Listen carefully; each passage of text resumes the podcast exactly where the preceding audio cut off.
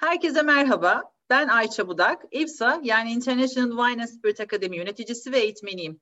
Bu podcast serimizde konusunun uzmanı konuklarımızla bilgilendirici sohbetler ediyoruz. Bu kez konuğumuz Whiskey Monster hesabı ve blogunun yaratıcısı, gerçek bir viski sever ve viski profesyoneli Koray Kaan Özdemir. Hoş geldin Koray, nasılsın? Merhaba Ayça, iyiyim. Sen nasılsın?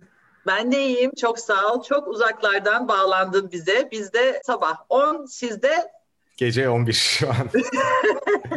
evet, sevgili Koray, şimdi öncelikle seni bir tanıyalım istersen daha yakından. Namı diğer Whiskey Monster. Ya bir isim değiştirdim aslında ben çok da şey değiştirdim yıllar önce. Özetle söylersem işte Koray Özdemir 1985 doğumlu. Eski bir müzisyen, eski bir mühendis yeni bir ilişki profesyoneli diyelim. Hani çok yeniliği de kalmadı uzun bir süre oldu artık ama bu şekilde özetleyeyim. Hani ortaokul ve lise işte TED Ankara Koleji'nde okudum. Lisans ve yüksek lisansımı ODTÜ İnşaat Mühendisliği'nde tamamladım. Hatta inşaat mühend- yüksek lisansımda tsunami uyarı sistemi için veri tabanı geliştirmesi isimli bir yüksek wow. lisans tezi yazdım. Bu süreçten sonra 7 yıl Türkiye'de deniz mühendisi olarak çalıştım. Ondan sonra 2011-2012 yılında Danimarka'da geçirdiğim bir süre var. Bu süre zaten hani konuşmamızın geri kalanını oluşturuyor. Oraya atlıyorum ki geri geleceğiz muhtemelen. 2017 Tabii. yılında, 2017 Ocağı'nda tam 4 sene önce bu sıralar aslında San Francisco'ya taşındım. Kariyerimi düşünerek hani daha iyi bir e, viski kariyeri yakalayabilir miyim? sorusunu cevaplamak üzere buraya taşındım. İlk önce bir önemli bir şarap mağazasının yüksek alkollü bölümünü yönetmeye başladım. Onların alım satımı, pazarlaması o kısımla ilgilendim. 2018 Kasım'ında da bir Hint Single Malt Whisky markasının Amerika Batı yakası yöneticiliğini ve marka elçiliğini yapıyorum. Hani genel olarak bu diyeyim. Süper. Peki senin bir blogun var. E, adı Whiskey Monster. Aslında eskiden Hı-hı. başka bir e, adı da vardı değil mi bu blogun? Türkçe olan versiyonu başkaydı. Biraz ondan evet. bahseder misin? Kimdir Whiskey Monster? Ne yapar? Eski blog neydi? Whiskey Monster aslında Amerika'ya taşınınca ortaya çıkan bir kimlik. E, Türkiye'de kullandığım isim Keyif Adım'ıydı. Keyifadım.net diye başladı. E tabi hani Amerika'ya biz deneme usulü geldik diyelim. 2016'da bir geldik gördük ne var ne yok diye. O dönem gelince keyif adamını kimseye söyletemediğinizi görüyorsunuz zaten. Net bir şekilde geçerli yok. E buraya da kesin olarak taşınınca dedim ki hani bu Amerika için bir İngilizce isim lazım. Kendi ismimi değiştirmek gibi bir şey düşüncem olmadığı için hani bari bir alias burada verdiğimiz işte bir handle bulalım. O da Whiskey Monster oldu. Çok şanslıydım. O dönem sitesi açıktı tamamen. Hani bir özel mantığı yoktu. Whiskeymonster.com açıktı. Biz de oraya atladık diyelim.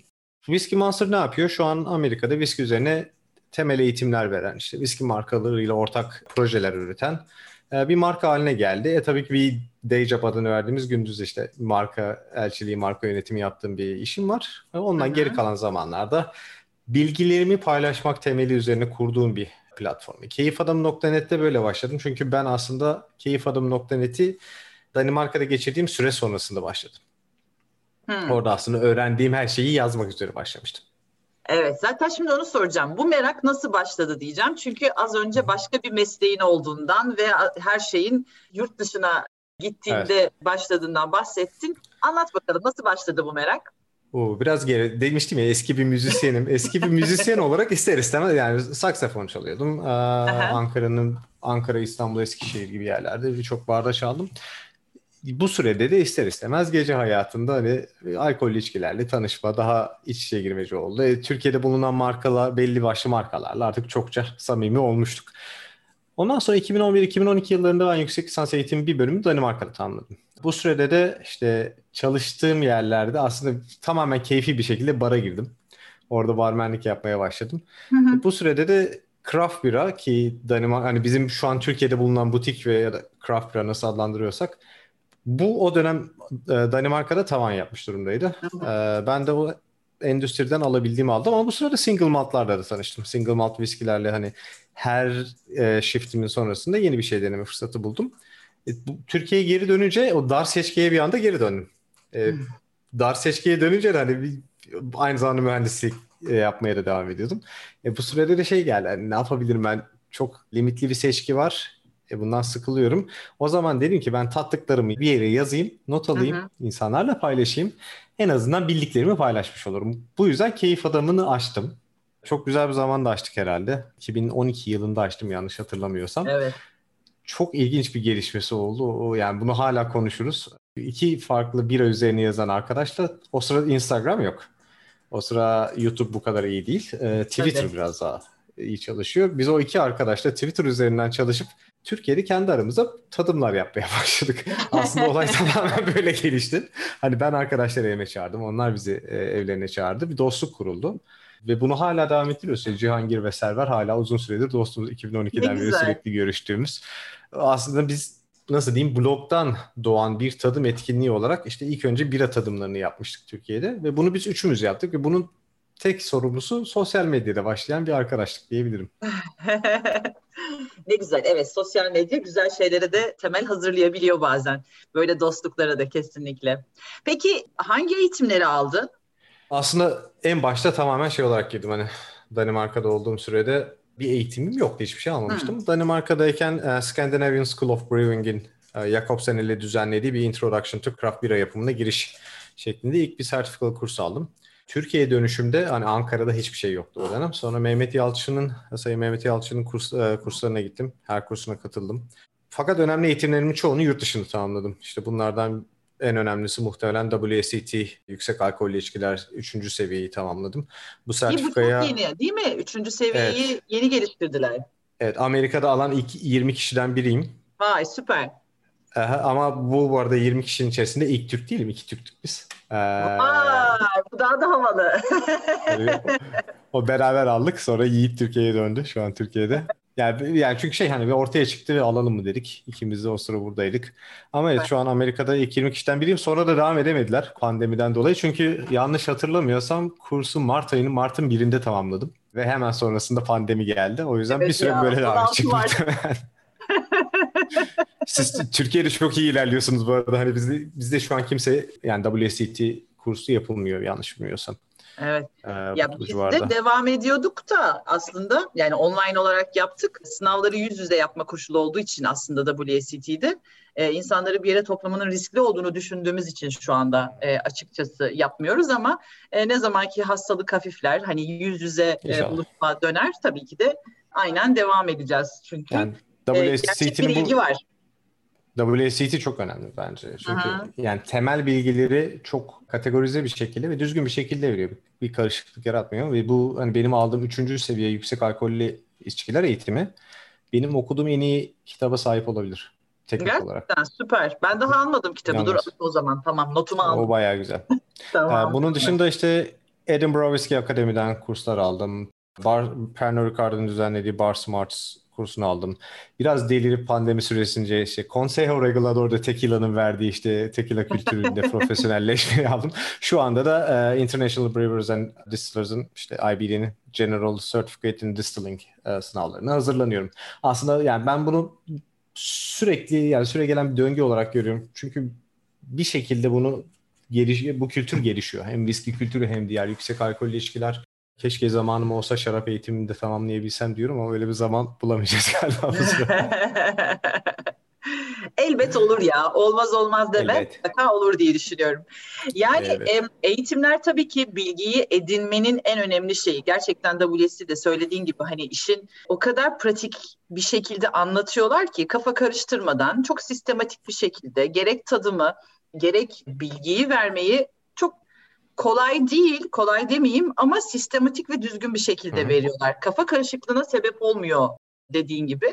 Hani bu bütün şarap eğitimlerini de böyle. Ben Spirit 2'yi almıştım. E, o da aynı şekilde. Dolayısıyla evet yani WST hakikaten bu işi çözmüş gidiyor. Hani tabii ki başka eğitimler de var. Senin aldığın eğitimler de eminim birden e, birbirinden iyidir. Hani spesifikleşmek adına hani ayrı bir viski eğitimi, ayrı bir tekila eğitimi gibi şeylere de gitmek lazım bence de. Onlar işin nasıl diyelim uzmanlık tarafı, doktor doktorluktaki uzmanlık tarafı gibi. yani evet detaylar yani aslında şey çok soruluyor hani nasıl yaptım bugünlere nasıl geldi sorusunu çok alıyorum. Hani benim aslında başladığım zamanlarda olayın üretimine girmek çok yoktu ama şu an üretim eğitimi alıyorum. Çok eğlenceli bir şey benim için. Evet. Ya da ne ya da mesela şu içine düştüğümüz durumda dijital marketing dedim, dijital pazarlama dediğimiz şey çok öne çıktı aslında. Bunun da bir taraftan eğitimini alıyorum yani. Hani evet. online eğitimler sağ olsun pandemi biraz kolaylaştırdı o konuları. Ama bunların evet. hepsi bir şekilde geliştiriyor diye. Peki eğitimler dışında bilgilerini nasıl güncel tutuyorsun? Yani blog yazmak çünkü bilgiyi güncel tutmayı da e, ya da bir Instagram hesabı yönetmek bilgiyi güncel tutmayı da gerektiriyor. Yani çok tadıyor olman lazım. Not alabiliyor olman lazım. Çünkü bazen tadarsın ama not almaya üşenirsin. Ne bileyim işte tadarsın hikayesinin arkasına bakmayı unutursun ama bunların hepsini nasıl güncel tutuyorsun? Nasıl bir dinamiğin var yani? Tadım konusunda çok avantajlıyım çünkü hala aktif bir blogum var. Ben, ben tadım notlarını viskiler geldikçe sıraya koyup onları tek tek tadıp siteye yazmaya önem gösteriyorum. Geçtiğimiz yıl yanlış saymadıysam 316 tane viski tatmışım. Bir yılda. Yazılı olarak bir yılda. Bunların bir çoğunu yani üç, en azından üçte birini biraz daha yükseğini belki de siteye geçirdim. Bu beni zaten aktif tutan şeylerden biri. Ama şöyle bir gerçek de var. Zaten işimin bir kısmı sektörü hakim olmak. Hani sektörde ne olup bittiğini bilmem gerekiyor. Bunun sebebi de işte rakiplerimiz neler yapıyor? Amerika marketinde neler oluyor? Şimdi Amerika marketini de geçtik. Misal geç, bu ay galiba bizim viskimiz Türkiye'de de satışa sunulacak. O yüzden Türkiye marketini böyle baştan bir araştırma yapmam gerekti yeniden. Önümüze, önümüzdeki ay Japonya'ya eğitim vereceğim. O markette neler oluyor onları da görmem lazım. Aslında yani durmayan bir şey var, araştırma var. Yani araştırma yapmadıkça zaten e, olmuyor. E bu sırada bana işte yeni viskiler geliyor. Nasıl diyeyim işte hiç bilmediğim bir viski markası blogda yorumlamam için bir viski gönderdi. Çok da önem vermedim açıkçası. Tattım ama bir anda şey hani hiç bilmediğim yani şöyle söyleyeyim endüstrideki çok önemli birinin yeni markalarından biri olarak gözüküyor. Ama bununla çalışan adamlar o markayla çalıştığını bilmiyordu bu profesyonel Aa. arkadaşın. Yani bu kimse bilmiyordu. Ben hani şişeyi görünce gördüm. Çünkü şişe Amerika yoktu, Amerika'da yoktu. Bir anda zaten ilk en beğendiğim ilk 10 viskiye girdi bu şey. Çok güzel bir viskiydi. Ee, onun dışında işte bu sene misal İrlanda'da bir viski patlaması oldu. Hı hı. Ee, İrlanda viskileri çok e, önemli viskiler çıktı. Biraz da isminden bahsettirdi. Onları araştırdıkça aslında işte şeffaflık konusunun geliştiğini görmeye başladık viskide. Hmm. Bunun üzerine araştırmalar yaptık. Bunlar aslında yani birinci konu e, cevap aslında burada araştırma. Ne kadar araştırma yapılırsa blog için ya da kendi güncel Hı-hı. bilgilerim için o kadar güncel ve geniş tutabiliyorum. Bilgileri ama en önemli kısmı tabii ki çok farklı viskileri tatmak oluyor. Bazen viskiyle kalmayıp işte ben aynı zamanda Armagnac konyak brandy tipleriyle de e, çok haşır neşirim. Onları takip ediyorum. E, elimden geldiğince şampanya içmeye çalışıyorum. nokta.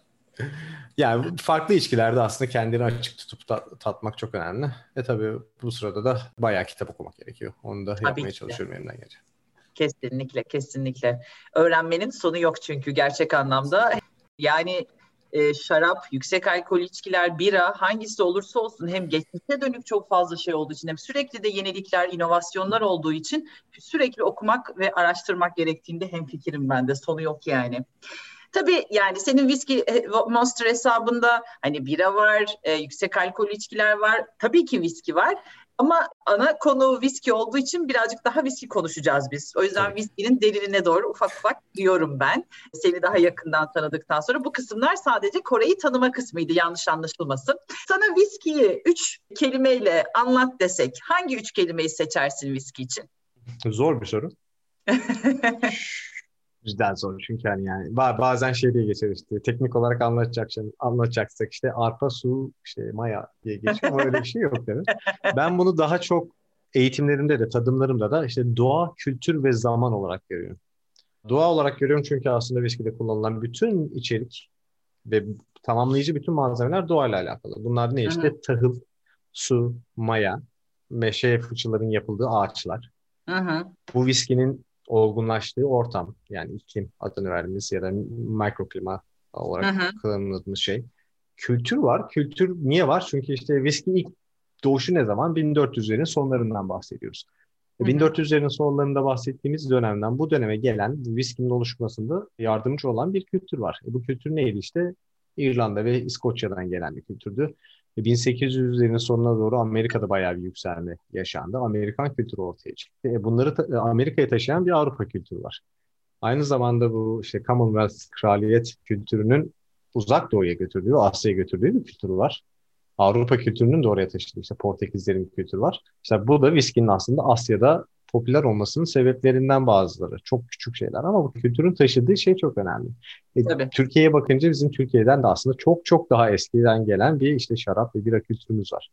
Buradan Avrupa'ya göçen bir kültürden bahsediyoruz. O yüzden bence kültür viski için inanılmaz önemli. Nasıl tüketiliyor, o ülkeye neler yapabiliyor. Mesela Hı-hı. Amerika'da bir viski içki yasaklarının genel olarak Amerika'yı nasıl etkilediğini şu anki e, belki konuşuruz ilerleyen dakikalarda. Şu anki satışları nasıl etkilediğini bile görebiliyoruz. Üçüncüsü ise zaman. Çünkü viski zamansız olmuyor. Ben içinde zaman bileşini olmayan bir viskiyi çok kabul edemiyorum. Denemeler var. San Francisco'da yaşıyoruz sonuçta. Burada hani teknoloji merkezi. Burada öyle denemeler var ama a, yani nasıl diyeyim vermiyor o keyfi. Biz zamanın viskinin bir fıçı içerisinde olgunlaşması, olgunlaşmasından sonra beklemesi bile bir etki yaratıyor bunun üzerinde. Ben onu o yüzden doğa, kültür ve zaman üçlemesini viskinin temeli olarak görüyorum. Galiba zaman olmayınca derinlik olmuyor. Kültür olmayınca da derinlik olmuyor. Hı. Belki de cezbeden ve her e, viskiyi birbirinden farklı kılan şey o derinlik hani derinlik olmazsa da bu kadar ilgi duyulmaz herhalde değil mi? Hepsi birbirinin aynısı olurdu çünkü Kesinlikle. zaman olmazsa, kültür olmazsa, mikro kliması olmazsa, o işte e, hani o üç tane dört tane elementi olmazsa viskinin o derinlik ve farklılık olmazdı. O zaman da sıradan bir şeye dönüşürdü yani. Ya, buna bir şey daha ekleyebilirim. Doğa, kültür ve zaman aynı zamanda bize sanatı da veriyor. Viski evet. aslında bir sanat. Yani biz, biz sadece viski değil yani içki yapımı bir sanat genel olarak. Evet. Katılıyorum. O bence bu ikili çok önemli bir birleşim yaratıyor bizim için. Katılıyorum, katılıyorum.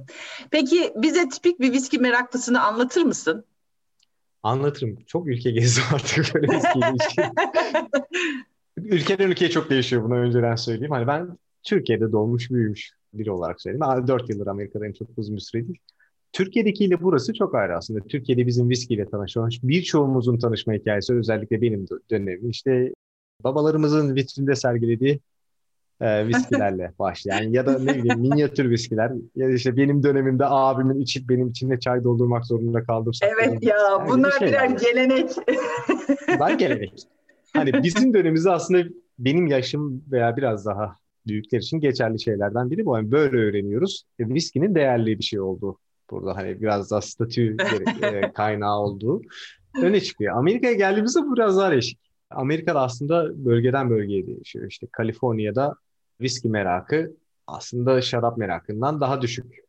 Fakat öne çıkmaya başladı. Ama Kentucky gibi bir merkez var. Kentucky'de hı. Doğal bir iş bu. Çünkü hı. en fazla bourbon üretiminin yapıldığı yerden bahsediyoruz. Orada aslında onunla büyüyorlar. Onunla büyüdükleri için bunu aslında bir nasıl diyeyim ziraat e, işlemi olarak görenler de var. Bunda geçimli yapanlar da var. İskoçya'ya gidince aslında görüyorsunuz ki İskoçlar bölge bölge o kadar da single malt tüketen bir yer değil. Daha Hı-hı. çok bira tüketen hatta inanılmaz şarap e, kültürü olan yerden bahsediyoruz. E, o yüzden ülkeden ülkeye çok değişiyor. Fakat çok genel anlamda viskiye giriş yapan bir meraklı olarak düşünürsek aslında genellikle harman viskiler içen fakat single maltların farklarını yeni yeni anlayıp bu arada single malt çok yeni bir şey viski kültürü içerisinde bunların özelliklerini yeni yeni anlayıp aslında değişik değişik şeyler denemeye çalışan e, insanlardan bahsediyoruz. Bence en önemli kısmı özellikle şu yeni dünyada pandemiyi de göz önüne alarak tipik viski meraklısı farklı şişeleri denemeyi sever. Bu konuda insanlarla konuşmayı sever ya da sevmeli benim için. Çünkü aslında bu bilgiyi geliştiren bir şey. Çünkü viski dünyanın neresine giderseniz gidin pahalı. Amerika'da da olsanız buranın bütçesine göre Sonuçta biradan daha pahalı ya da çoğu şaraptan daha pahalı bir şeyden bahsediyoruz. Tabii. O yüzden daha fazla para vermesi gerekiyor insanların. E, merak bunu harcamayı da beraber getirince aslında insanlarla bunu paylaşmaları doğal olarak oluşan bir şey. Hı hı. Ve viski meraklısı genel olarak daha çok konuşkan, daha çok insanlarla bir iletişim kuran. İki iyi ayıracağım burada. Bir, akademik meraklıları var. Hani benim gibi. Daha çok teknik hı hı. olarak neler oluyor diyen. İki, bunu biraz daha statü seviyesinde görenler hmm. var. Statü seviyesinde görenler de ben daha fazla viski denemeliyim, daha eski şişeleri bulmalıyım, işte daha yaşlı, daha e, yaygın olmayan, daha işte nadir çıkartılma değeri olan nadir viskileri bulmam gerekiyor diye. Burada ikiye bölünebiliyoruz ama geri kalan kısmında genellikle yine araştırma, konuşma, Hı-hı. iletişime önem veren, değişik viskileri tanımaya önem veren insanlardan oluşuyor diyebilirim aslında. Süper. Anlatabilmiş midir umarım. Bir de tabii canım gayet net çok güzel anlattın Bir de şey vardır ya hani viskinin vitrinde saklanması hikayesi. Bir de bizim Yeşilçam filmlerinde içkilerde sınıflandırılmıştır. Bunu sen de fark etmişsindir muhtemelen. Beni çok güldürüyor. İşte Rakı esas adamın ama halk adamının içkisidir. İşte şarap zenginlerin, elitlerin içkisidir. Viski ise kötü adamın içkisidir. Hep böyle viskiyle kötü adamlar, kötü kadınlar eşleşmiştir ya saçma sapan Yeşilçam'da. Hani bu birazcık daha böyle kırılmaya başladı ama tabii ki viski içenler kötü adamlar değil elbette. Ama o zaman öyle bir kodlama var maalesef. Bu günümüz sinemasında nihayet böyle bir ayrım yok. Hatta son zamanlardaki bazı yerli dizilere tabii ki ulusal kanallardaki değil alternatif alanlardakilerden bahsediyorum. Yerli dizilere ve benzeriye baktığımız zaman kahramanların da iyi adamların da viskiyi eline aldığını görüyoruz. Ne diyorsun bununla ilgili? Ya ben, ben onu farklı yorumlamak istiyorum. Evet çok haklısın. yani kötü, kötü adamların elinde çok viski görüyoruz ama ben onu şöyle yorumlayayım varlıklı evlerde daha çok görüyoruz viskileri. Hı hı, evet. Ee, ne yazık ki o evlerde yaşayan adamlar kötü adamlar oluyor. Ben onu öyle yorumlamak istiyorum. evet, ya böyle bir şey yaşandı ama zaten bu pazarlamanın yoğun olduğu Hı-hı. insanlara bir şekilde aktarımının sağlandığı bir şey. O dönem koşulları onu gerektiriyormuş. Şöyle yapıyorlar. ee, bu dönem koşullarımızda da şu var hani single malt'ın öne, önem kazandığı bir dönemdeyiz ama hala harman viskilerinin çoğunlukla satıldığı bir dünyadayız. Onu da unutmamak lazım. E, bu aslında bize şey de getirdi. Ne kadar viski varlıklı ailelerin içtiği kaliteli içki ise aynı zamanda artık gençlere de hitap edebiliyor. Viski içicileri de bu yönde. Yani bir anda biz aslında 45-54 yaş skalasında 25-34 yaş skalasını konuşur hale geldik. Amerika'da evet. bile bunu yapıyoruz. Ee, bunu yapınca çok önemli bir hale geldik. Son yıllarda aslında neredeyse her işte o platformlardaki dizilerde bir örnek görmeye başladık ya da ne bileyim yeni çıkan filmlerde büyük bir etki görmeye başladık. Ee, onlardan da bahsedebiliriz. Evet, ee, ama lütfen. Var mı favori film ve dizilerin e, içinde viski geçen? ya çok klasiktir benimkiler. Hani Lost in Translation mesela aslında bunlardan biri. Ee, ben her ne kadar Japon viskilerin o kadar ya çok fazla önem kazandı, gerektiğinden fazla önem kazandığını düşünsem de e, o film aslında bir kült haline geldi bizim Hı-hı. dünyamızda. Çünkü çok güzel bir tanıtım. Hani çok planlanmış, harika, abartıya kaçılmadan filme işlenmiş bir tanıtım yapıldı. Hı hı. Mesela o aslında Japon viskilerinin bu kadar önem kazanmasındaki şeylerden biriydi hiç beklenmesi. İşte Angels evet. Share filmi var. Angels Share filmi İskoçya'da bir kültürün nasıl geliştiğini gösterdi. Ve aslında hani bizim o az önce konuştuğumuz viski meraklılarının bir ortamını da bize sundu. Damıtma evi gezileri, açık arttırmalar, işte damıtma evi turları bence çok önemli. Hı hı. Bunları gösteriyor. E, Whiskey Galore var. Viski kültürünü hı. gösteriyor. 1944 yapımıydı yanlış hatırlamıyorsam. E, bence çok önemli bir e, yapıt. O e, bunun de yanı... çekilmiş galiba ya. İkincisi de çekildi onu daha izleyemedim. Ben de izlemedim. Eski yapımı çok başarılı. Hı hı. Sonra dizileri geçiyoruz. İşte Parks and Recreation diyor. Nick Offerman'ın oynadığı karakter şu an kendi resmine sahip bir viski var. Aynı adasına gelmeye. O, o yapıldı. Mad Men zaten hani inanılmaz Hı-hı. bir diziydi. Ya geçen tartışıyorduk. Dün bir dizi izliyorduk burada. Başka platform üstünden. Vodka içiliyor. Sürekli vodka içiliyor. Ana karakter durmadan vodka içiyor. Ee, ve şey dedik. Mad Men'deki viskiden fazla vodka içildi herhalde bu dizide dedik. bu aslında her diziye gelmeye başladı. İşte bir taraftan İskoç viskileri çıkıyor ya da ne bileyim e, çok önemli bir İskoç markası Kingsman isimli bir filmin e, baş viskisi oldu. Hmm. Onun e, aynı firmanın başka markalarından biri ise de aynı filmde başka bir viskiyi sundu. Bunlar aslında kültürümüze iyice girmeye başladı ve viski kültürü daha da yayılmaya başladı. Yani herkesin içebileceği, hala statü belirleyen fakat hı herkesin içebileceği ve bu dönemde e, bu şekilde aslında bir bilgi de aktarım sağlayan bir içki haline geldiğini gösterebiliyor bence. Peki ne tür viskileri tercih ediyorsun sen? Yani ben içiyorsam genellikle single malt içiyorum. Hı hı. Neden? Ama ben yani hiçbir karşıtlığım yok bu arada. Single malt yani benim aslında şu an şöyle ha. çok şişe var bitmiyor tabii yani. çok çok viskiye sıkıştım diyeyim. Yani genellikle single malt viskileri yudumlamayı daha çok seviyorum. En sevdiğim şeylerden biri de aslında ben single malt viskilerde farklı ülkelerden, bölgelerden farklı özellikleri görebiliyorum. Aslında bir bourbon ülkesinde yaşıyorum. Ama bourbondan misal aynı özellikleri alamıyorum. Çok güzel bourbonlar var, çok güzel Amerikan viskileri var ama bana verdikleri tat, duyu seçkileri daha dar. O yüzden single maltlarda bunu daha geniş yaşayabiliyorum. Her yeni şişeyle beraber biraz daha farklı hisleri, biraz daha farklı kokuları algılayabiliyorum.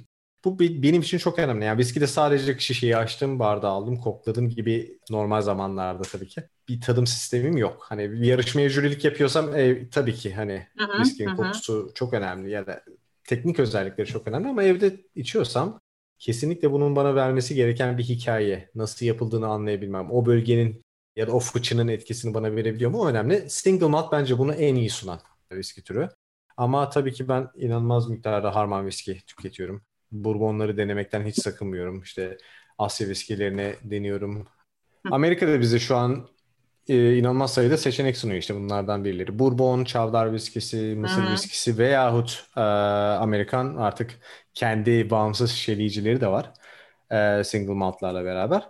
Ben bunları tamamen açığım ama evde genellikle single maltın bu geniş özelliklerinden dolayı onu tercih ediyorum muhtemelen. Damak tadıma biraz daha uygun, daha yoğun tatları da sevdiğim için olabilir diye düşünüyorum. Bir de günün sonunda sen bu işin profesyonelsin. Yani yönettiğin bir blok var. Farklılıkları görebilmen ve denemen lazım. Deneyerek aradaki farklılıkları gördüğün zaman bunları aktarabilirsin. Yani aslında sen bir gazeteci gibisin, bu işin gazetecisi gibisin. Sana haber lazım. O yüzden yenilikler gerekiyor sana doğal olarak. O yüzden de onları aktarman lazım. Şimdi bu muhabbetin içinde iki tane sorun var. Birincisi zaten biraz değindin ama single malt viskiler iyidir, blendler onlar kadar iyi değildir gibi bir kutuplaşma olabiliyor bazen. E, aslında söyledin hani ben ona da karşı değilim, buna da karşı değilim. İkisini tatma ve içme amacım birbirinden farklı dedin ama sanki böyle ben single maltçıyım demek daha böyle bir e, sen o anlamda söylemediğini biliyorum. Ama daha böyle bir prestij şeymiş gibi, hani daha bir statüymüş gibi algılanıyor ya. Blend öyle olmazmış gibi. E, ne diyorsun bununla ilgili? Kesinlikle katılmıyorum. Yani single malt viskiler iyidir ama ha, ya şimdi şöyle bir gerçek var. 1960'lara kadar single maltın pazarlanmadığı bir dünyada yaşıyorduk. Hı-hı. Single maltın varlığından teknik olarak haber olan çok kişi yoktu. Hı-hı. Bu kadar ve %95'e 5'lik bir orandan bahsediyorken o, o senelerde şu an ancak %90'a 10'a geldik. Hı hı. Yani %90 harman viski satılıyor, %10 single malt satılıyor. Hı hı. Single maltın hala çoğunluğu harman viskilerde kullanılıyor. Şimdi genel olarak tanımlara baktığımızda aslında bunu daha rahat anlayabiliriz. Harman viskinin oluşma sebebi işte single maltlardan ve tahıl viskilerinin bileşiminden yapılıyor. Yapılmasının en büyük sebebi kullanıcıya daha hafif, daha rahat içilebilir ve daha uygun fiyatlı bir ürün çıkarmak. Genel olarak bakınca aslında bu çok güzel bir şey. Hiçbir sıkıntısı yok bunun. E, zaten dünyada en çok satılan viski olmasının sebep, üç sebebi bu. Single malt'a geldiğimiz zaman single malt aslında bizim son 20 yıldır 20-25 yıldır doğan daha iyi yemek yemek. İşte biz nasıl daha iyi tüketim yapabiliriz? Daha kaliteli bir şeyler yiyebilir miyiz işte? Daha üst seviye bir şeyler yapabilir miyiz? Kültüründen doğan bir şey işte. Michelin restoranlara gidelim bakalım neler yapıyormuş. Ya da işte şuraya, şuraya gidip daha iyi, organik ürünler artık Kaliforniya'da böyle yaşıyoruz. Organik ürünler kullanan bir restoranda yiyelim tadında bir şey. O kültürün bir parçası single malt'a geçişte. Pazarlamada bunun büyük bir şeyi. Hadi. Ee, pazarlı yani bu arada single malt viskilerde işte yani az önce dedim ya Michelin restoranına gidip sevmediğiniz yerler olabiliyor. Mesela biz San Francisco'da bir yeri hiçbir şekilde sevemedik. Abi single malt'ları bunu yaşayabiliyorsunuz ama birçok single malt'ın ve tahıl viskisinin bir araya geldiği bir viskiye bayılabilirsiniz. Hı hı. Ya da o işte sevmediğiniz single malt başka bir single malt'la ya da başka bir tahıl viskisiyle bir araya geldiğinde aslında size çok farklı şeyler önerebilir. Harman viskinin güzelliği bu. Harman viskisinin yapımı bence single malt viskinin yapımından çok çok daha zor. Çünkü aslında farklı şeyleri bir araya getiriyorsunuz. Bir kompozisyon yapıyorsunuz ve bu kompozisyonu milyonlarca kişiye beğendirmek durumundasınız. İşte evet. bahset ya dünyanın en iyi satan markaları kolay bir şey yapmadı. Yani 200 milyon satıyorlar. 200 milyon şişe satıyorsa viski burada o ürünün bir araya gelmesi, bu ürünü herkese sevdirebilmek, pazarlamasıyla, Hı-hı. ürün kalitesiyle çok önemli. O yüzden bence harman viskiyi geliştirmek, single malt geliştirmekten çok çok çok daha zor bir iş.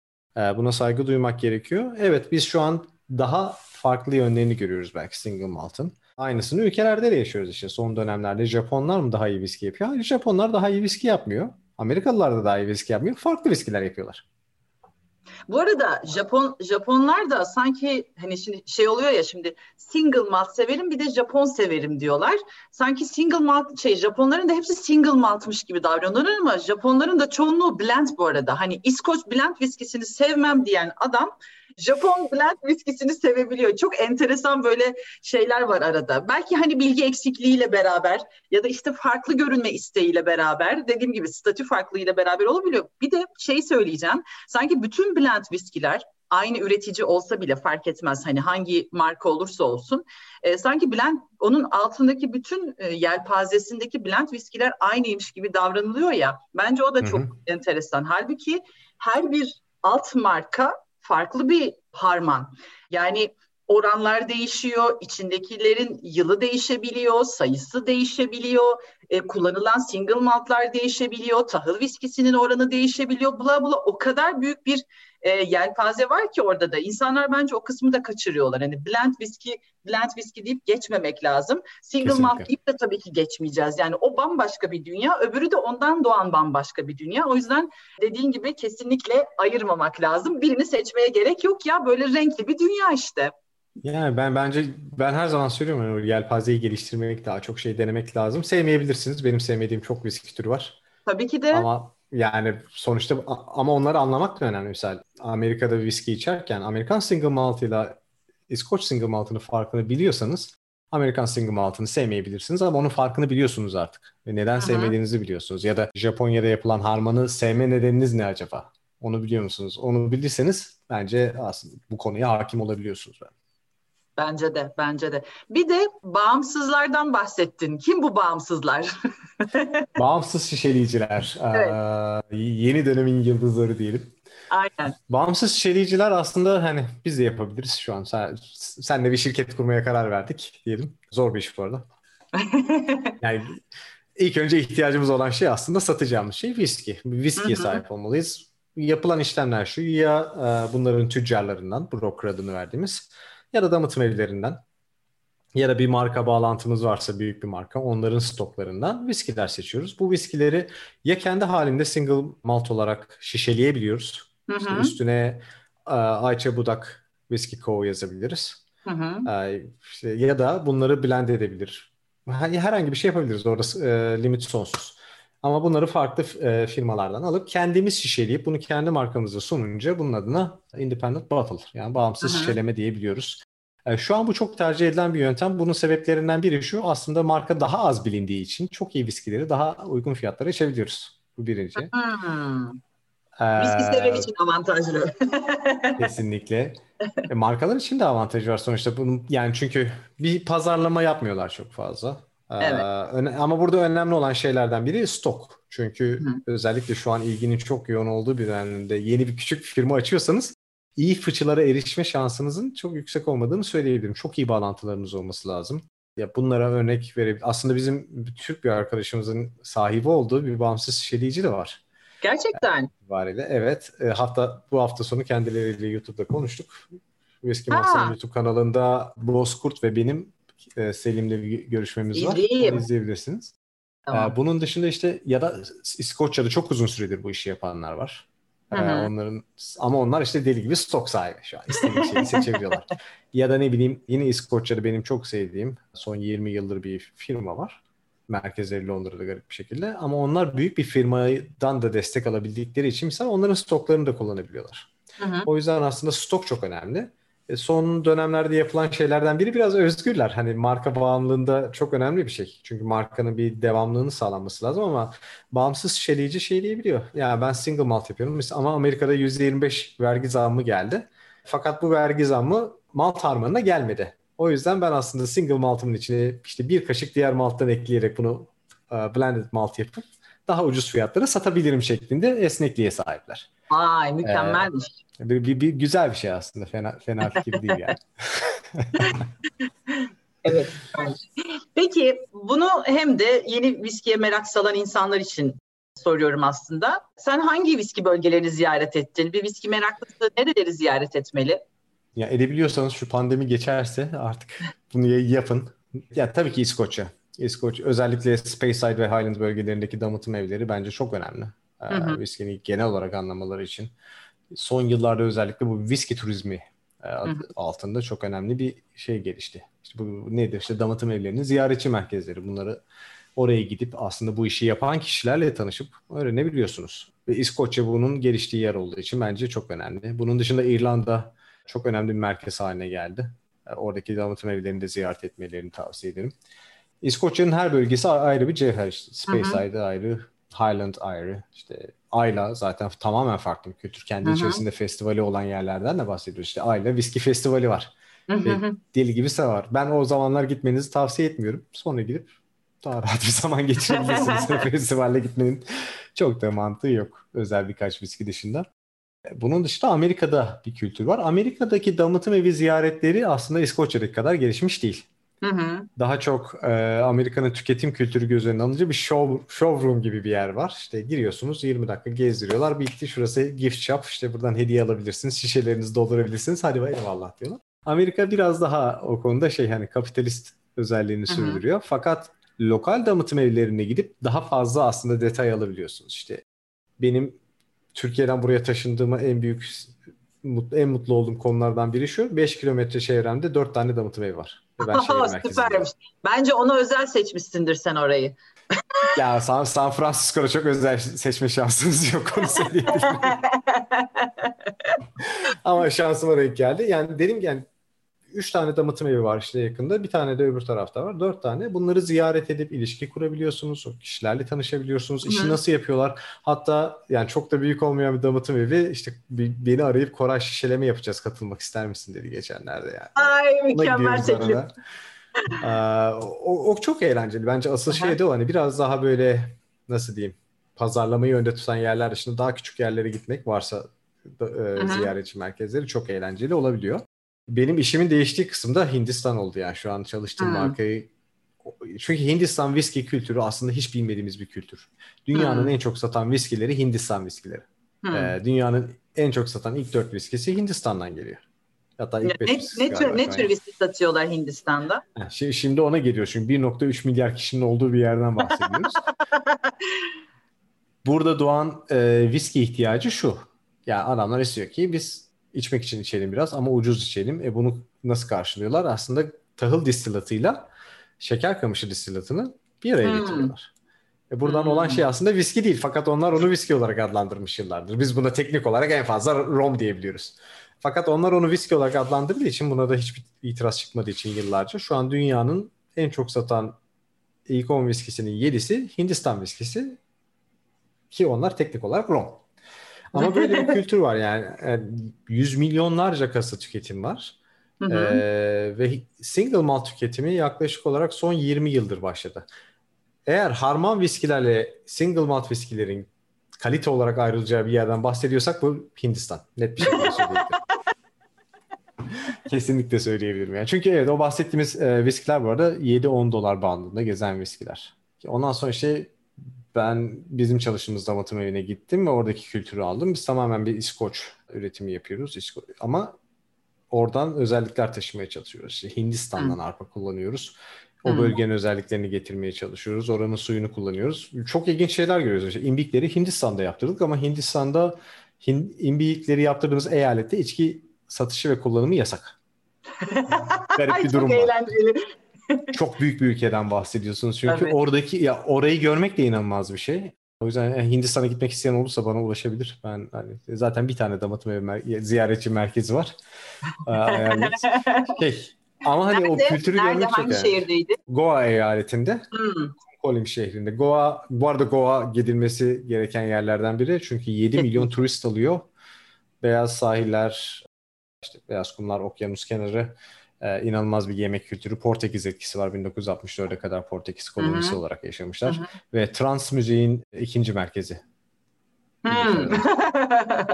İlginç ama Aynen. İlginç ama yani dediğim gibi ilginç. dünyanın farklı yerleri çok farklı deneyimler verebiliyor. Japonya'ya gitme fırsatım olmadı daha. Ee, inşallah onu da gerçekleştireceğiz. Tayvan'a gitme fırsatım olmadı. Onu da yapmak istiyorum. Ama Avrupa bu arada inanılmaz bir merkez haline geldi. Fransız viskileri, Danimarka, İsveç, e. Almanya. Bunlar hmm. çok önemli şeyler yaptılar. Bu arada İngiltere, hani İskoçya değil İngiltere'den inanılmaz viskiler çıkmaya başladı. Hmm. Eğer kısa mesafede böyle bir şeyler yapılması isteniyorsa yapılabilir. Çok yani çok güzel şeyler. Süper. Şahane. Ne güzel bilgiler edindik gene senden.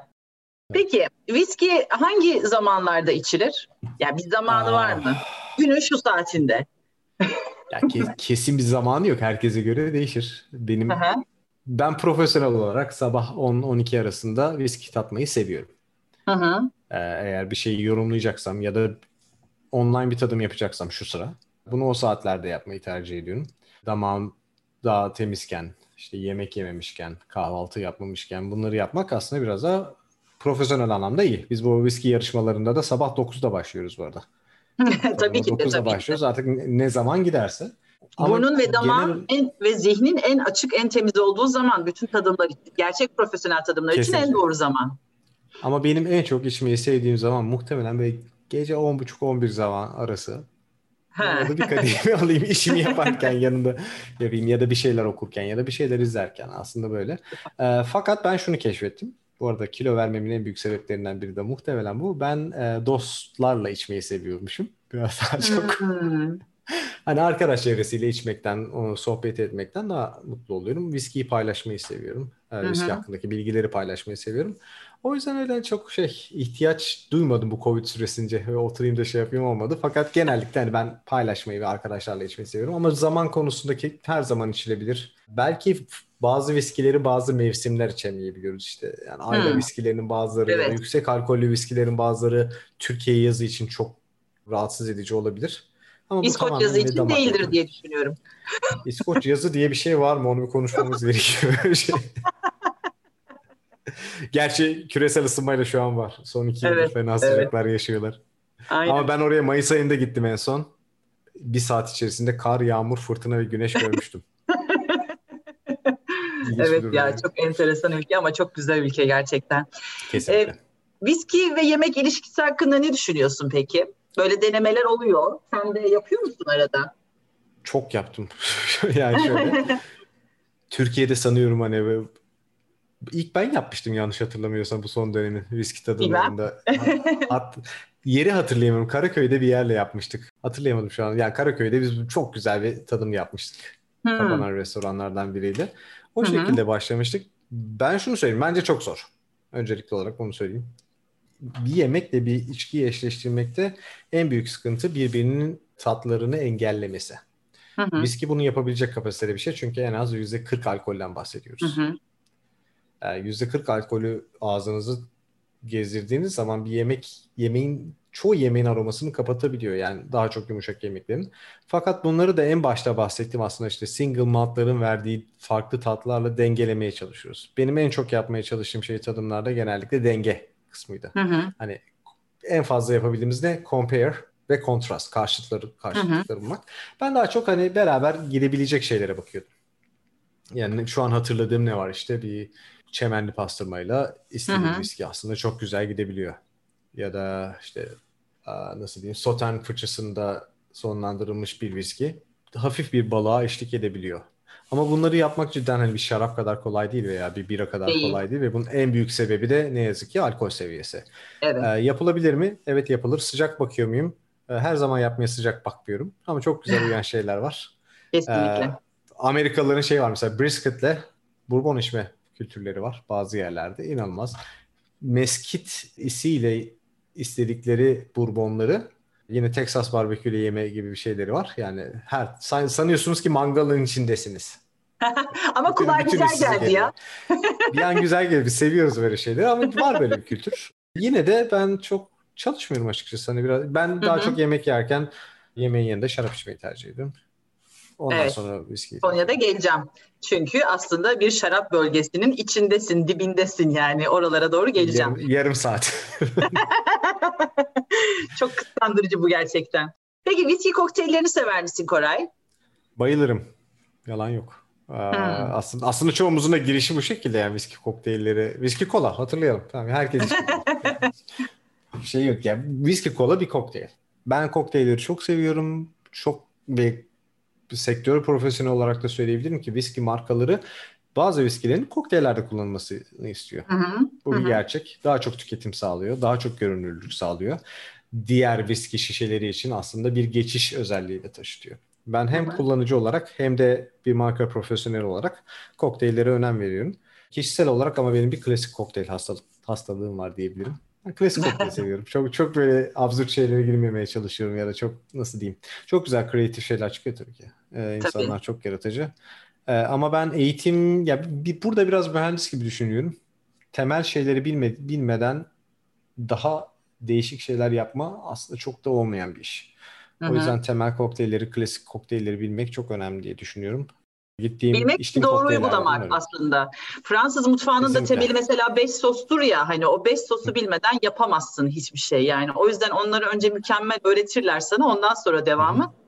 Bartenderlıkta da söylediğin gibi en önemlisi klasikleri bilip iyi uygulamak, teknikleri çok iyi bilip doğru teknikle uygulamak ondan sonrasında bir şey yaratabilirsen malzemeleri tanıdıktan sonra çünkü o şeyleri yaratmak da çok zor. Yani geleceğim Hı-hı. kokteyl mevzusuna da ama gerçekten kokteyl yaratmak da ayrı bir zanaat.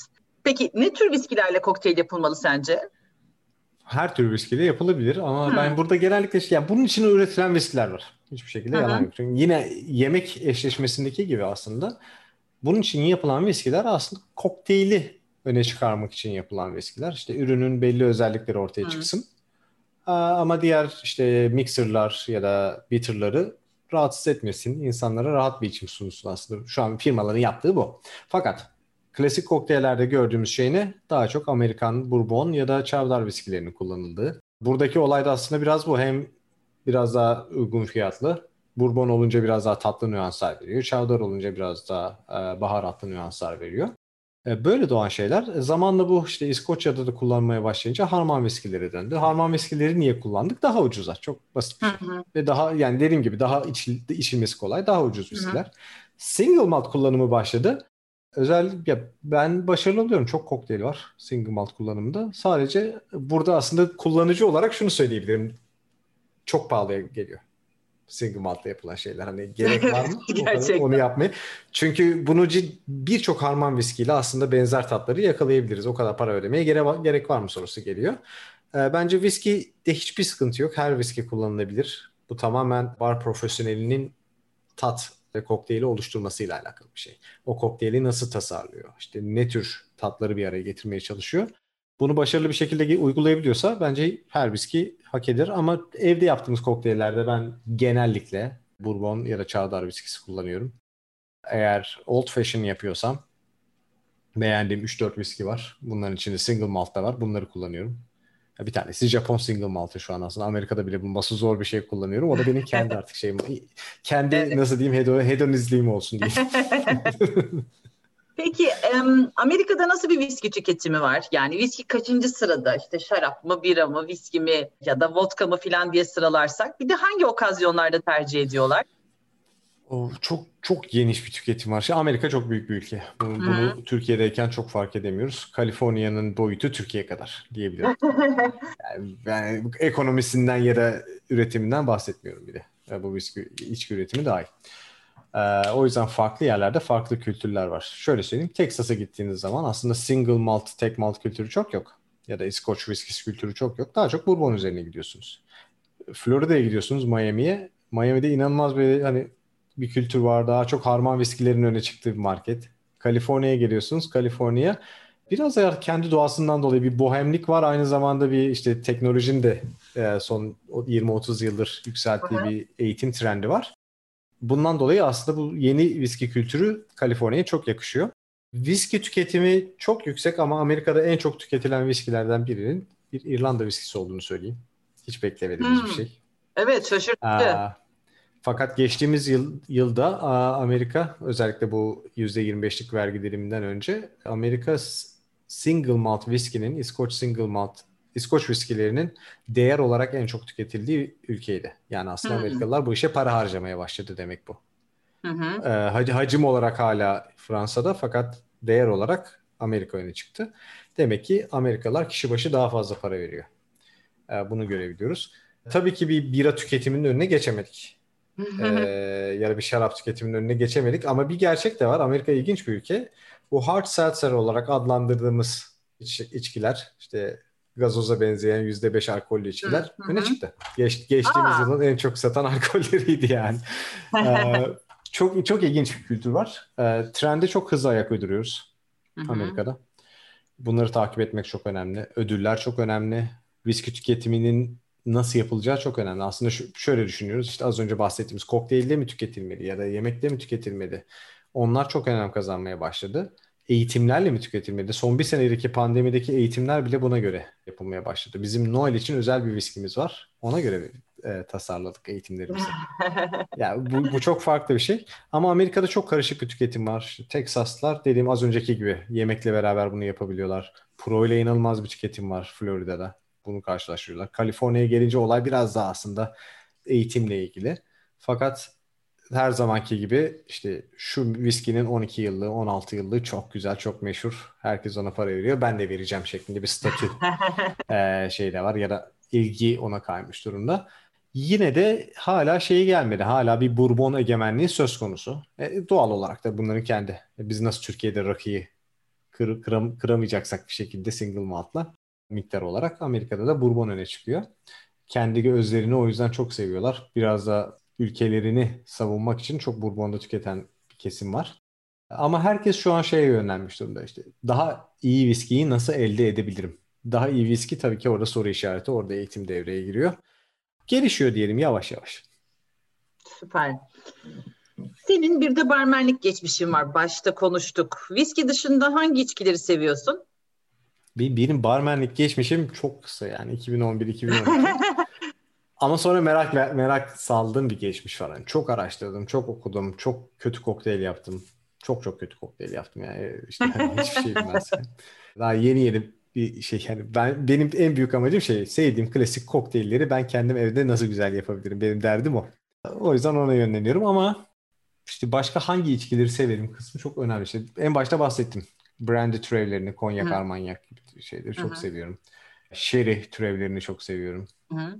Özellikle işte Amontillado, uh, Manzanilla, e, Oloroso gibi. Cin severim. Hı-hı. Güzel, iyi bir cinsi çok severim. Hı-hı. Yüksek alkollerden bahsediyoruz diye düşünüyorum tabii. Evet, evet. Evet, evet. Şaraba sonra gelecek. Tepe, tepeye de bakıyorum bu arada ne var ne yok diye. Burada bir meskale merak sarmaya çalıştım. Biraz yani tekileyi biliyorsunuz. Hani hı hı. E, tekileyi çok sevmiyorum ama meskale merak salmaya başladım. Çok başarılı Meskal gittiğini söyleyeyim. Enteresan gerçekten ya. Enteresan yani. ama benim için çok başarılı gitmiyor. çok böyle oturmadı. Onun, onun dışında Rom tabii ki yani Rom'u unutmamak lazım. Rom çok güzel gelişen bir sektör haline geldi. Türkiye tabii çok muhtemelen farklı türler gelmiyor ama Amerika'da harika şeyler denemeye başladı. Karibiklere de biraz yaklaşınca Barbados'tan, Guadalupe'dan gelen inanılmaz şeyler içmeye başladık. Onlar da çok başarılı ve cidden çok güzel örnekler var. Elime geçtiğince denemeye çalışıyorum. Fakat hani viskiden sonra bir şey geliyorsa yine brown spirit olarak konyak ve armanyak diyebilirim. Daha çok olgunlaşmış içkileri seviyorsun gibi hissettim ben de şimdi böyle söyleyince. Fıçı görmesi fena değil. evet, evet, evet. Dedin ki klasik kokteylleri seviyorum. Hangileri favorilerin klasikler arasında? Ben bara gidiyorsam martini Hı-hı. istiyorum. Martini'm de genellikle işte Bondray olarak adlandırdığımız kemik kuruluğunda diye çevirebileceğim. yani %99 cin olan bir kokteyl. Bunun dışında Sazerac seviyorum. Vicar seviyorum. Whiskey Sour. Ee, biraz ilginç bir içki olarak Espresso Martini'ye bayağı ilgiliyim. Ee, ama genellikle bunların dışına çok çıkmıyorum. İlginç bir şekilde Old Fashion çok sevmiyorum. Hı. Ama dediğim gibi Martini kesinlikle benim için bir günün başlangıcı olabilecek bir şey. Ee, biraz daha sonları gelince işte Absinthe'in de etkisiyle Sazerac denenebilir. Yemek öncesi veya sonrası biraz daha doygun, biraz daha kremamsı bir damağı olan narenciye dolu olan bir whisky sour da seviyorum. Kesinlikle hı hı. içerisinde yumurta beyazı olmak zorunda bu arada. Tabii. Olması gibi bir şey düşünemiyorum. Öyle bir durum var burada. Ne yazık ki. Amerika'da whisky sour deyince o egg white olayını söylememiz gerekiyor. Çünkü Alerjen e, özellikle, olduğu için tabii. Te, alerjen olduğu için onlar belirtiyor. Bir de ben de duymak istiyorum çünkü bazı işte daha a, nasıl diyeyim mahalle barlarında diyelim buzla servis ediyorlar ve yumurta falan yok. Hani benim bildiğim viski sour'la alakası yok diyelim. Aa, onu da görebiliyoruz ama dediğim gibi yani bu 5 kokteylden çok fazla dışarı çıkmamaya çalışıyorum. Eğer bar profesyonellerini tanımıyorsam işte bar, bartender'ı tanıyorsam o zaten benim damak tadım biliyordur. Kesinlikle yeni bir şey getiriyorsa muhteşem bir şey çıkacak. Bir de tabii ki bizim kendi markamızda yaptığımız denemeler var. İşte happy hour'lar var. Pandemide çok beğendiğim işte çok güzel bir şey çıktı. Ben bayılıyorum buna. San Francisco'dayım ama işte Philadelphia'daki bir barmenle yüz yüze görüşüp bir kokteyl yaratabiliyoruz. Hmm. anlatıyor. Ben yapıyorum. İçiyor. Onu deneyebiliyoruz ve aslında bu güzel bir şey çünkü oranın kültürünü ben burada görebiliyorum. Ee, bu arada çok ilginç bir şey söyleyeceğim. Hala aynı fikirdeyim. Türkiye'deki kokteyl üreten arkadaşlarımız, bartenderlarımız e, çok yetenekler. Buraya geldiğimiz yıllarda uzun süre ben seveceğim bir kokteyl bulamadım herhangi bir barda. Biraz daha yüksek tüketimin e, söz konusu olduğu bir yer olduğu için aslında daha az ilgi söz konusu. Türkiye'de bartenderlar iyi eğitildilerse sizde çok güzel ilgileniyorlar. Çok. İçkiler biraz daha değerli olduğu için de maddi olarak tamamen bunu güzel bir şekilde yapıyorlar ve biz onu uzun süre unutamadık onu söyleyebilirim. Süper. Evet gerçekten bence de harika kokteyl yapan yetenekli arkadaşlarımız var. Demin de söylediğimiz gibi çok um, ayrı bir yetenek bu. Yani malzemeleri çok iyi tanıman lazım. E, malzeme derken sadece içkinin kendisini kastetmiyorum. Tabii ki içine kullanacağın her şeyi çok iyi tanıyor olman lazım. Taze malzemeyi, iyi malzemeyi nereden alacağını biliyor olman lazım değil mi? İyi bir bartender nasıl olmalı sence? Bunlar dışında var mı ekleyeceğim bir şey? İyi bir bartenderin iyi bir iletişimi olması lazım her şeyden önce. olay bu. Yani olay tamamen karşındakiyle iletişim. İletişim dediğim sadece konuşma değil, karşındakinin senden ne istediğini anlama ya da hizmet anında sana verdiği mesajları anlama. Bu sadece şey değil hani ben şunu istiyorum bunu yapar mısın şeklinde bir önerme değil. O dönemde barı çok iyi gözlemesi lazım. Barda neler olup bitiyor? İnsanların güvenliğini sağlaması lazım. Az önce konuştuğumuz yumurta beyazı gibi. Hı-hı. Bu çok ufak bir detay ama çok önemli bir detay. Hı-hı. Son dönemlerde pandemiden dolayı arada açıldığı zamanlarda aslında çok dikkatlilerdi. Herkes işte e, ellerini temizliyor, maskeler giyiyor. Bunlar önemli. Ama bu dönemden önce benim ilgimi çeken şeylerden biri Amerika'da bir bartendersan en önemli şeylerden biri ekonomi bilmen gerekiyor. Genel anlamda bir barı nasıl yöneteceğini bilmen Tabii. gerekiyor ki tek Cost kokteyli yapabilesin. Cost control çok önemli. Biz eskiden bunu çok görmüyorduk Türkiye'de. Şu an bunu net bir şekilde burada görebiliyoruz. Ee, içki yaratırlarken aynı şekilde yapıyorlar. Bence Amerika'daki barmenlerin en avantajlı olduğu nokta eğitim noktası. Çok farklı eğitimler alabiliyorlar. Bizim Türkiye'deki tabii firmalarda çok eğitim veriyor ama işte güzel yarışmalar falan var ama Amerika'da hani işte bir yandan bakıyorsunuz firması gelip eğitim veriyor ya da ne bileyim işte bir mezkal firması gelip eğitim veriyor. Aslında farklı içkileri hızlı bir şekilde öğrenebiliyorsunuz. E bu da o aslında bartenderların ilerleyen dönemlerde markalarla çalışmasını, benim gibi marka müdürü olmasını ya da danışmanlık yapmalarını sağlıyor. Aslında ezberden bilgiler değil. Eğer Amerika'da doğru bir yerdeyseniz çok iyi paralarda kazanabiliyorsunuz. Sadece barda çalışarak. Ee, ki bahşiş olayına girmedim. Bu Amerika'da önemli bir şey. ee, ama bence hani iyi bir bartender nasıl olmalı? Çok iyi ilişkileri olan, karşısındakini anlayabilen, koku ve damağı iyi olması gerekiyor ama bu zamanla zaten geliştirilebilen bir şey. Hı-hı, Orada hı. sıkıntı görmüyorum. Aldığı eğitimlerle geliştirilebilen bir şey. Ve en önemlisi eğitilmeye açık olmalı. Yani öğrenmeye açık olmalı. Bunu eğer göremiyorsa kendini ben çok iyi bir barmenim diye bir yere gidiyorsa bir arkadaşımız çok başarılı olabileceğini düşünmüyorum. Ki böyle olan Her çok kişi gördüm. geçerli zaten. Bir, bir de şöyle bir durum var. Amerika için biraz daha konuşayım. Alkol tüketimine dikkat etmek zorunda. Burada ciddi anlamda bunu yani fazla kullanımı yapan çok arkadaşla karşılaştık. Kısa sürede bile çok kötü sonuçlara yol açabiliyor. Hmm. Hani çünkü alkolün olduğu bir ortamdayız. Zor bir ortamdayız. Bizim için de geçerli. Tabii. Ee, sağlığınızı etkilemeden bunu kullan kullanmaları gerekiyor. En büyük önerim sorumlu kullanın. Kesinlikle. Alkolün sorumlulukla tüketimi en önemli konularımızdan bir tanesi. Dozunda, kararında e, tüketiniz. Kesinlikle. Şişelerimizde yazdığı gibi. Şarap bölgesinde yaşıyorsun. Az önce de söylediğin gibi yarım saatlik mesafedeyim dedin. Nasıl şaraplara? Şaraplarım iyi, güzel. Ben sev yani severek tüketiyorum. Ama bir şeydi ben Türkiye'de yaz, yazıyordum şarap hakkında. Hatta şarap hakkında şey de yaptık, evet. etkinlikler de yaptık. Hatırlıyorum. Fakat buraya taşındıktan sonra bir vakitten ötürü iki hani bir cidden biraz o da vakitle ilgili. Hani gidip tanışmak, o anlamak lazım. Çok büyük marketten bahsediyoruz. Böyle bir market yok yani. İmkansız marketten bahsediyorum. Hani hem viski anlayıp hem şaraplı çalışmak çok kolay Tabii. değil. Tabii. Ama ben çok şanslıydım. İlk geldiğimdeki ilk işim bahsettiğim gibi büyük bir Hı-hı. şarap mağazasındaydı. Ve bu şarap mağazasının e, ortaklarından birisi San Francisco'nun en önemli isimlerinden biri Debbie Zacharias. Diğerlerinden biri e, Master Sommelier Peter Granoff'tu. E, ve o ikisinin yanında Müthiş. aslında biraz karşılıklı oldu. Onlar bana şarap öğretti. Ben geri kalanlara viski öğrettim gibi bir şey oldu. Barter yapmışsın. Çok çok, çok güzel imkanlar sundular sağ olsunlar. Evet. Hani çünkü orada barda aslında şarap tüketimini görebiliyorsunuz insanların. Çok iş yaptık ve aynı zamanda şeyi de görebiliyorduk hani. Ben çok önemli fırsatlara sahip oldum. Bunların hepsi aslında bir şarap profesyoneli sayesinde. E, yarım saat kuzeyimiz Napa, Sonoma önemli yerler. Burada her yerde bu arada şarap üretimi var. Nerede bakarsak. Kaliforniya güzel bir merkez bunun için. Ama Napa ve Sonoma çok önemli. Biz burada birçok işte şaraphaneye gittik.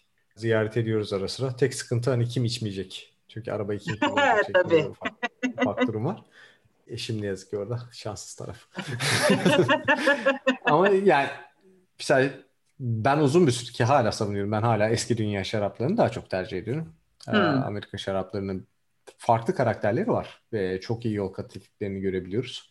Ama gittiğiniz zaman şarap eğitimleri, şarap e, tadımları, hı hı. bağların oluşum şekli, bağlardaki yine o hani viski damıtım evlerindeki bulunan commercial a, pazarlama unsurlarını da görmek güzel bir şey. Mesela en son gittiğimiz e, Domain Carneros yanlış hatırlamıyorsam öyle bir da, bağa gittik ve o bağda köpüklü şarap yapıyorlar. Şampanya olarak adlandıramıyorum. Çok güzel yapıyorlar. Çok Biz iyi yapıyorlar. Oturup, iki, var. Pandemi döneminde iki kişi yan yana oturduk. Önümüz yemyeşil bağlar. Of. Bize yemeklerimizi falan. Yani iki kişi sandalyede oturup onun keyfini çıkardık. O an muhteşemdi. Evet. Gerçekten, Ve gerçekten. Bu güzel bir şey. Eve yakın böyle şeyler olması güzel bir şey. Bir de, bir de en yakın en yakın yer Los Carneros yani hani en efsanevi Napa şaraplarının çıktığı bölgelerden birisi. Los, Car Los Carneros çok fena bir yer. Kuzeye gidince hani şey ya burada garip şeyler de var misal. Film yıldızlarının bağları var. Hı hı. Film Cop Coppola'nın bağları var ki bu Coppola'nın evet. bağlarında çalışmalar yapan Türk arkadaşlarımız da oldu. Santa Rosa merkezinden geçtiğiniz zaman böyle vaktiniz varsa işte ufak yerleri ziyaret edip bütün gün çok keyifli tadımlar yapıp ufak ufak şarap evlerini çok farklı şeyler bulabiliyorsunuz. Büyükler tabii ki çok keyifli. İşte Sonoma'ya gidince çok güzel yerleri geziyorsunuz ya da Napa merkeze gidince güzel şeyler tadıyorsunuz. Hı hı. Ama küçük şarap evleri de burada inanılmaz şeyler sunabiliyor. Özellikle fiyat açısından da. Yerli ve yabancı olarak da sorabilirim tabii ki. Favori üzümlerin var mı? Öküz üzüm. Hı, yerli de. Kırmızı olarak yerli de. Ben emiri seven bir insanım. Beyazda. Emiri ben de çok severim evet. Yabancı üzüm o biraz sanıyorum Viognier diyeceğim ya ben. Kuzey hmm. Ron şaraplarını çok seven bir insanım. Evet. Yani kon, Viognier... Condry falan evet. bayılırım. Ya ee, Viognier kırmızı... enteresan bir üzüm çünkü hani böyle gençken kendi potansiyelini çok göstermeyip ona zaman verdiğinde hani ne bileyim 5-6 yaşından sonra çok güzel kendisini gösterebiliyor. O yüzden sabrı olanın anlayabileceği bir üzüm cinsi olduğunu düşünüyorum Viogner'in. Kesinlikle. Ee, kırmızıda da çok farklı yerde değilim. Ben mesela Pinot Noir sevemiyorum garip bir şekilde. Ama bu Amerika'dan da olabilir ya. Çünkü çok Pinot Noir yani. Burada bir hastalık hani orada çalışırken ben Pinot Noir istiyorum. Ben Pinot Noir istiyorum. Washington eyaletinden istiyorum falan diyece çok denedim. Çok beğenemedim yani. Washington'dan beğendiğim birkaç tane var. Bu arada Washington dediğim Seattle. Kuzeyde. Evet evet. Evet kuzey şeyin. Çok karışıyor bazen. Fakat sanıyorum yani seçmek zorunda kalırsam Cabernet Franc diyeceğim. Ya. Güzel. Cabernet Franc'ı ben de severim çünkü Hı-hı. bence gene kıymeti az bilinenlerden bir tanesi. Kesinlikle. Kesinlikle ama biraz daha o yöndeyim. Hani ben biraz da Fransız şaraplarına özellikle Bordeaux'a doğru da yönelen bir insan oldum ama ya son yıllarda bu Kuzey Ron şarapları ile ilgili inanılmaz tutkum var. Çok seviyorum. Muhteşemler. evet evet bence de. Ya şey e, hem Shiraz hem de Cabernet Franc bu arada Viognier için de bence e, bizim ülkemizde enteresan bir teruar oldu diye düşünüyorum. Yani bu bölgeyle de e, özellikle Trakya ile de Denizli civarıyla da daha iç Ege'yle de çok güzel uyum sağladı bu üzümler. O yüzden muhtemelen hani yurt dışı pazar için olmasa bile yerli üzüm olmadıkları için söylüyorum ve dünyada envai çeşidi olduğu için onların e, iç pazar için çok büyük potansiyelleri olan üzümler diye düşünüyorum ben de bu saydıklarımız için. Ee, ben bir soru sorabilir miyim? Sen kusura tabii, bakmasan. Tabii. Ee, merakımdan. Çünkü, çünkü biz son yıllarda burada inanılmaz sayıda yangın yaşadık. Ee, evet. Çok bağ yani son iki senedir aslında biz çok da gidemedik bağlara bu yangın ve pandemi dolayısıyla. Hı-hı. İklim değişikliğinden dolayı oluyor bu yangınlar burada. Tabii. Ve bu şaraba direkt yansıdı. Yani Hı-hı. çok genç şaraplar denedik geçtiğimiz geçtiğimiz haftalarda yılbaşından önce ve bu şaraplar bazı yerlerde isli gelmeye başladı. İlginç bir şekilde. Türkiye'de de bu iklim değişikliğinin aslında şarabın kalitesini değiştirdiğini görebiliyor musunuz şu an? Yıldan yıla farklılıklar daha belirginleşmeye başladı. Evet. Biraz bazı ya bölge bölge çok değişiyor. Hani burası böyle biliyorsun sıfırdan başlıyor Türkiye'nin batısından başladığında e, şeye doğru doğuya doğru gittiğinde artık rıkım hani bin, binler ve daha üzerine doğru çıkmaya başlıyor Orta Anadolu itibariyle. Yani Anadolu yükselen bir plato. Dolayısıyla bir kere birbirinden inanılmaz farklı e, iklimlere sahip bölgelerden bahsediyoruz. Bazı bölgeler için her şey yolunda giderken bazı bölgeler için işte ne bileyim en fazla göz, en ekstrem gördüğümüz şey aslında bakarsan dolu yağışı. Olmadık zamanlarda gelen hani daha çiçekteyken ya da meyve yeni olgunlaşmaya başlamışken gelen dolu sorunumuz var. Onun dışında öyle e, ne Avustralya'daki gibi ne de Kaliforniya'daki gibi yangınları çok fazla e, yaşamadık. E, ya da işte Fransa'da olduğu gibi böyle bütün e, hasatı yok edebilecek donlara denk gelmedik henüz. E, ama bu olmayacağı anlamına gelmiyor tabii ki. Yeraltı e, su kaynakları ile ilgili yani taban su ile ilgili sorunlar yaşanılan bölgeler olabiliyor. Hani şimdilik e, normalde biliyorsunuz sulama çok fazla bağ uygulanan bir yöntem damlama sulama kurulur ama ihtiyaç olduğunda kullanmak için yoksa aslında yeraltı suyu çoğunlukla yeterli olur ama bazı bölgelerde sulama ihtiyacı olabiliyor. Son yılı konuşacak olursak son yıl birçok bölge için e, her anlamda çok iyi gitti. Yani bir yıl nasıl yaşanması gerekiyorsa öyle giden bir yıl oldu. ben anlamında söylüyorum bunu. Hepsi için öyle değildir. Ne bileyim belki başka bir, yani zeytin için öyle olmadığını biliyorum mesela. Bu yıl çok iyi bir yıl değildi zeytin için. Hani e, yakinen takip ettiğim şeylerden biri olduğu için ama e, insanlık için de çok iyi bir yıl değildi ama e, bizim e, şarapçılığımız adına fena bir yıl değildi. Yani güzel her şey dört dörtlük giden bir yıl oldu en azından birçok bölge için diyeyim her bölge için olmasa da. Ya öyle çok ekstrem şeyler şimdilik görmüyoruz ama dediğim gibi bu görmeyeceğimiz anlamına gelmiyor. Yani hortum olan bölgeler oldu bu sene mesela Türkiye'de ama tabii ki de bir e, Amerika'daki kasırgalarla beraber gelen hortumlar gibi değil hayat. Bakın şimdi yani, kar diyorlar bu hafta. Eğer kar yağıp da biraz kalırsa özellikle bağ bölgelerinde o bizim için e, iyi olacak tabii ki de hani taban suyu olması, barajların dolması, hani suyun olmaması gibi bir şey her şeyi bitirecek çünkü. O yüzden e, şimdi karı bekliyoruz. Biz de oldukça kurak bir sezon geçiriyoruz. Hani yağmur Hı. biraz daha yağsın. Kar yağmıyor çünkü en son 1973'te görmüş galiba burada. hani o merkezlerde. Ama biraz yağmur yağarsa hiç fena olmayacak. Çünkü yangın büyük bir tehlike haline geldi. Tabii. Ee, Tabii. Geçen sene nefes alamıyorduk. İnşallah bir daha görmeyiz diye umuyoruz. Umarım. Umarım. Ee, sona doğru yaklaşırken Koray, sadece şarap olarak sormuyorum ama genel olarak Türkiye ile Amerika arasındaki, hani alkol sektör adına soruyorum tabii ki bunu. Farklılıkları sorsam sana, ne tür farklılıklar görüyorsun? Tüketim. Yani e, tüketim kültürü diyeyim. Buradaki Hı. kültürden kastım şu, burada insanlar gününün doğal bir parçası olarak tüketim yapıyor. Bu doğal parça ne? Biz günde iki defa çay yapıyoruz mesela evde. Amerika'da böyle bir aile bulmak çok kolay değil. Yani.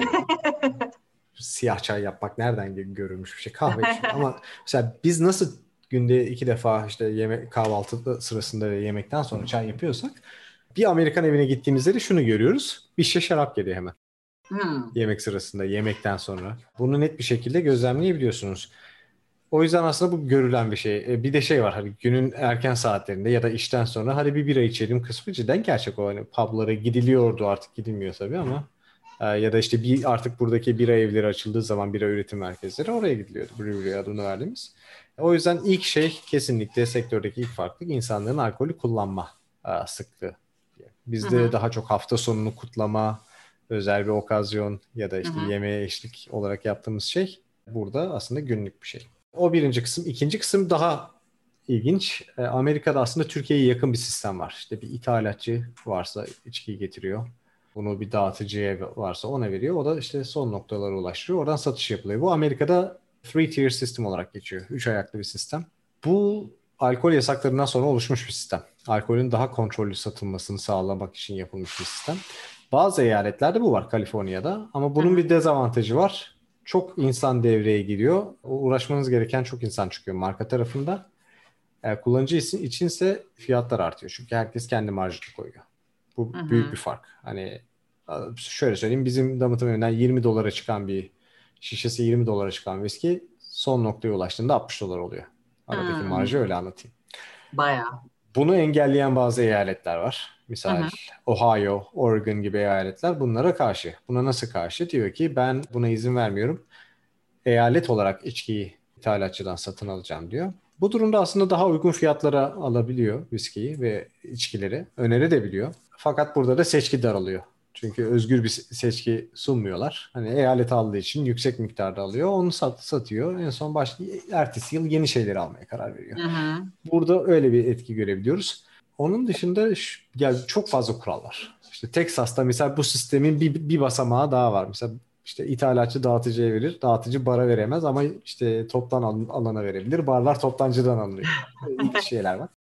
Bu kurallar çok değiştiriyor ama bu kuralların da tabii dayandığı yerler var. Alkol yasaklarından gelen bir kültür var. Ee, ona kadar gidiyor. Ee, buradaki en büyük sıkıntılarımız vergilendirme sistemi özellikle son yıllarda İngiltere ile yaşanan sıkıntılar. Karşılıklı uygulanan Hı-hı. vergiler. Ama sanıyorum en önemli şey de dediğim gibi günün ya günlük hayatın bir parçası olması. Günlük hayatın bir parçası olarak kullanımı sununca viskiyi herhangi bir içkiyi ister istemez kullanım daha fazla oluyor. Aslında hı hı. sosyal kullanım fazla oluyor. Ve bir şurada şunu gözlemledik. Birisi içki yapan bir aileyle ya da NAPA'da büyüdüyse içkiyi tüketiyor ama sosyal e, sorumlu bir şekilde tüketmesini de biliyor. O yüzden Hı-hı. alkolizm seviyesini görmeyebiliyorsunuz. Fakat tabii ki Amerika'daki her şeyi abarttıkları gibi alkol kullanımını abartan birçok insan da var. Ama bunun, bunun birçoğu işte gelir seviyesiyle alakalı, daha çok yayılmasıyla alakalı, bilgi seviyesiyle alakalı şeyler. Fakat eğitimini alan kişilerde ya da beraber bununla büyüyen kişilerde böyle bir etki görülmüyor daha çok. En büyük fark olarak da şunu söyleyebilirim. Bir sınırlandırma Türkiye ile karşılaştırdığımızda çok yok. Alkol reklamları her yerde. Hı hı. Fakat biz bunun negatif bir etkisini net bir şekilde göremiyoruz. Onu söyleyebilirim. Tabii ki genel olarak bazı sınırlamalar var. İşte 18 yaş üstü Türkiye'de nasılsa burada 21 yaşına kadar alkol alımı yasak. Hı hı. Çok inanılmaz bir şey. Yani o büyük bir etki çünkü 21 yaşına gelen insanların yaptığı partileri ben gördüm. Yani gidilmeyecek şeyler. Gidilmeme, görünmemesi gerekiyor. Çünkü o yaşa kadar alkol almamış bir insanın bir anda alkole başlaması. Çünkü 16 yaşında araba kullanabiliyorlar. Ama Aha. 21 yaşına kadar alkol alamıyorlar sözde. Yani bunu bir şekilde alıyorlar da. Ama almayanlar da ciddi anlamda bunda geç tanışınca bazı problemler çıkabiliyor. Bu büyük bir fark aslında. Evet. En önemli şey de muhtemelen günümüz farklılıklarından biri tabii ki bu e, alkollü içkileri fiyatları. Niye? Burada alım şöyle söyleyeyim. E, bir viskiyi ben burada 60 birim alıyorsam o viski Türkiye'de ne yazık ki 700 birim civarında. Kazandığımız parayla o şey yapınca Türkiye'de o viskiyi böyle yudum yudum içmek gerekiyor. Ben burada bir kenara atıp unutabiliyorum. Damlalıkla. Da, damlalıkla. Ya bu bence çok önemli bir şey. Çünkü bu aslında bizim single maltların Türkiye'de bu kadar değer kazanmasının sebeplerinden biri bu. Biraz daha da uygun fiyatlı olsalar da aslında daha farklı içkilerin öne çıkması sağlanabilirdi. Rakının biraz geri plana düştüğünü herkes anlatıyor. Belki bu biraz önlenebilirdi. Veya şarabın, craft biranın biraz daha öne çıkması sağlanabilirdi. Çünkü craft biraya bakınca şu an hani alınan fiyatlar viski daha avantajlı gözüküyor alkol miktarına vurduğumuzda. Öyle Bir de açınca bozulmaması tabii ki. Ee, mesela şarapta da aynı şey. parayı verebilirsin şaraba ama açtın ve tüketmen lazım. Çünkü hani farklı şaraplar denemek istediğin zaman da biliyorsun hani bir bütçe ayırman gerekiyor ona. Ama Kesinlikle. denemek dediğin şey e, birazcık daha e, viskide daha feasible diyeyim ben sana. da, da, da, daha feasible evet. Yani zamanı vurunca, zaman ve alkol seviyesini vurunca daha evet. feasible olabiliyor. Gerçi şarapta o sorun çözüldü. Ben cihazımı kullanıp rahat bir şekilde geçirebiliyorum. Değil mi? Koravin'le çözebiliyoruz gerçekten. Kor Koravin çok büyük bir yardımcı. e, peki rakı dedin. Rakı sever misin Koray? Ya Türk'üm sevmeme şansım yok abi. Orada bir seçenek sunuyor bana herhalde. Şöyle hani çok tercih ettiğim bir içki değil. Fan fanatiği değilim. E, masası olunca içemem. Yani yemek de tercih ediyoruz biz onu. Aslında o bizim biraz kutlama içeceğimiz oldu burada. Yalan. Öyle mi? Yani, viski biraz normal hale gelmeye başladı ama şu tepede iki kişi rakımız var. ee, bu arada yani Türk rakılarından biriyle de aynı ithalatçıyla çalışıyoruz. O yüzden çok da uzaklaşmadım. Fakat genellikle biz yemekle beraber tercih ediyoruz. Ee, çok çok fazla tüketmiyoruz. Tüketmememizin sebeplerinden biri aslında şu an çok fazla alkol tüketmiyoruz farklı bir şekilde. Profesyonel kullanım dışında. Hı Ee, gen, işte eğer içeceksek genellikle şarap ve şampanya e, kısmındayız. Diyelim. Peki favori Ama mezen evet, nedir rakıyla? Orada neleri bulabiliyorsun diyeyim ya da neleri yapıyorsunuz? Ya her şeyi bulabiliyoruz bir kere onu konuşalım.